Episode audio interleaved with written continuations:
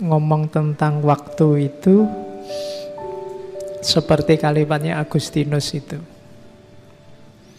Jadi katanya Agustinus, apakah waktu itu jika tak seorang pun mengajukan pertanyaan, aku tahu. Tapi jika seseorang mengajukan pertanyaan dan aku mau memberi penjelasan, aku tidak tahu lagi. Ini kalimat yang jujur dari Agustinus. Kita sering semacam ini. Dalam banyak kasus, dalam banyak hal kita itu sering merasa tahu.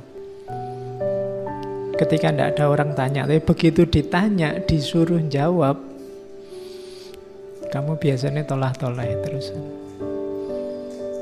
Kamu itu loh teriak-teriak anti khilafah. Khilafah itu apa toh? Kemarin seolah-olah sudah ngerti. Begitu ditanya, apa ya?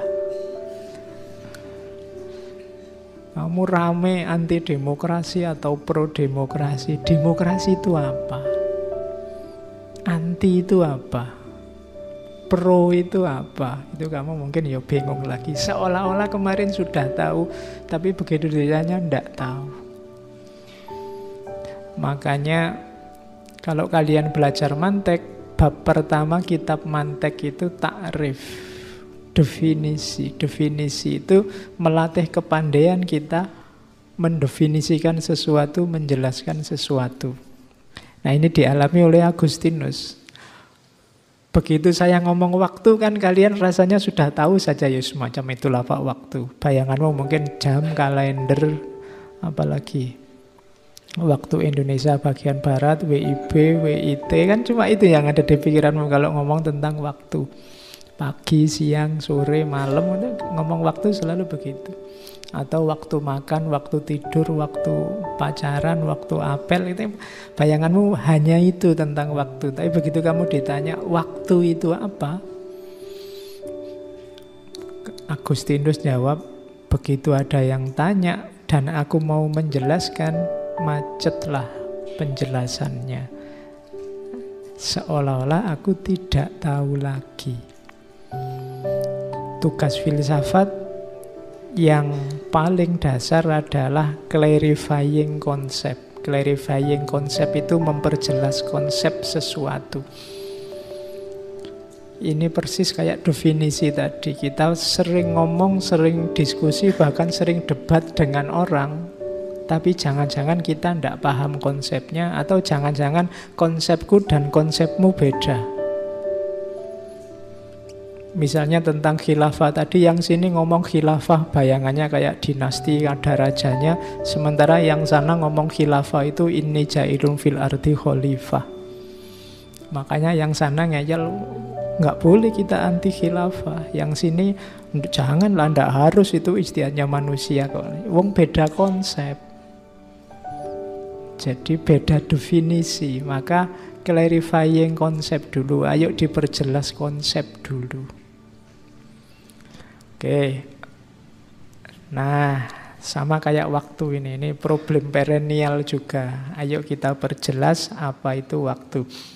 Tiba-tiba saya teringat Gibran di The Prophet Sang Nabi itu.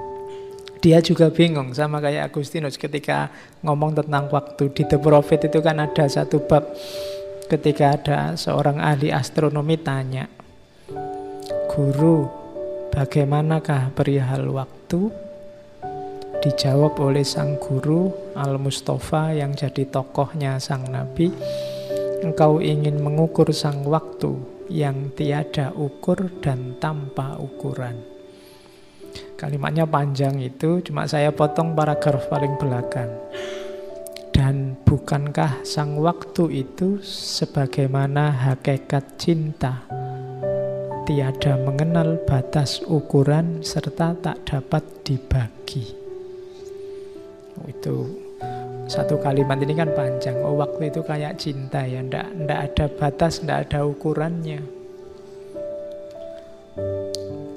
awal itu tidak bisa diukur paling awal itu kapan susah ngukurnya akhir juga tidak bisa diukur paling akhir itu kapan dibagi-bagi juga susah.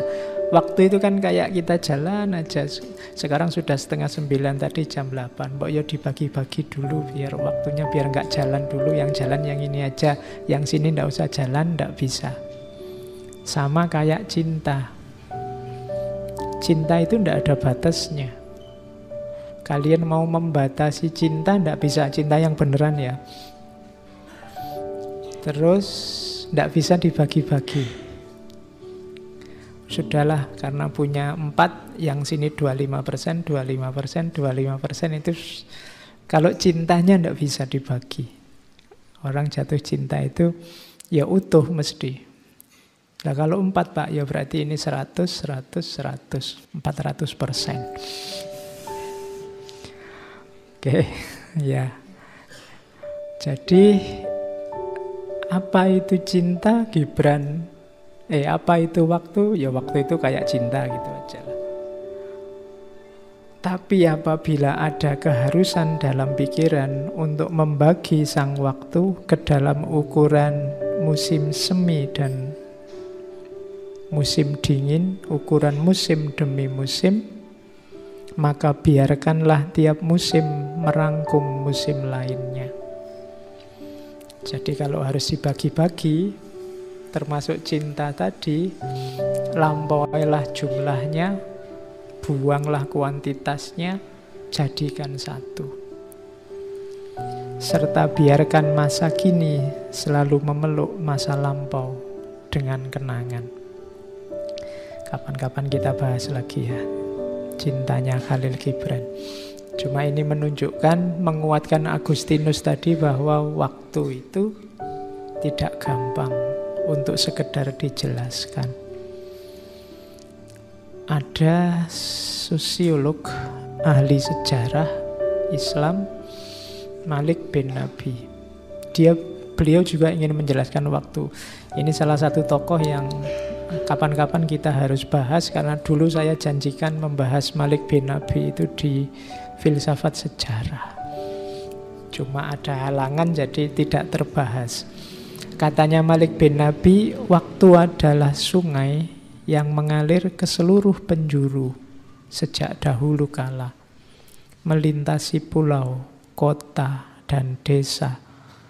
Membangkitkan semangat atau menina bobokkan manusia. Ia diam seribu bahasa sampai-sampai manusia sering tidak menyadari kehadiran waktu dan melupakan nilainya. Walaupun segala sesuatu selain Tuhan tidak akan mampu melepaskan dirinya dari waktu. Itu Malik bin Nabi, itu kalimat-kalimatnya menurut saya mudah dipahami ya. Kalimat-kalimat puitis. Jadi waktu katanya Malik bin Nabi itu dia mengalir meliputi segala sesuatu, bisa jadi sumber semangat, bisa jadi sumber kamu terlena. Kamu yang santai-santai menikmati waktu tiba-tiba kaget, waduh, sudah waktunya ujian, waduh, sudah waktunya bayar lagi, waduh, sudah umurku sudah tua, waduh, sudah semester akhir. Nah, itu waktu jadi sumber yang menina bubukkanmu. Tapi ada kalanya waktu itu jadi sumber semangat. Sama-sama ingat bahwa waduh sudah semester akhir, terus kamu jadi semangat untuk menyelesaikan. Jadi dia punya dua kekuatan yang saling melengkapi atau bisa juga dibaca saling kontradiksi. Tergantung kita memakainya. Nanti ada banyak penjelasan di belakang. Oke, ada mitos tentang waktu. Kemarin kita juga ketakutan bahwa mitos, harapan membawa mitos. Sekarang untuk waktu juga ada mitos. Kalau di Yunani mitosnya waktu itu kronos. Saya tidak tahu ilmumu tentang mitologi Yunani sampai mana. Kronos itu golongan Titan. Titan itu generasi dewa-dewa sebelum dewa-dewa Olympus. Jadi sebelum dewa-dewa Zeus dan kawan-kawan itu Kronos ini sebenarnya bapak Zeus. Kronos ini anaknya dua dewa, dewa Gaia sama dewa Uranus, dewa langit sama dewa bumi. Dewa Gaia sama Dewa Uranus ini punya 12 anak Yang paling muda Kronos Tapi Kronos ini paling jago Kalau kalian suka main game Saya dulu suka main game di PS2 itu ada God of War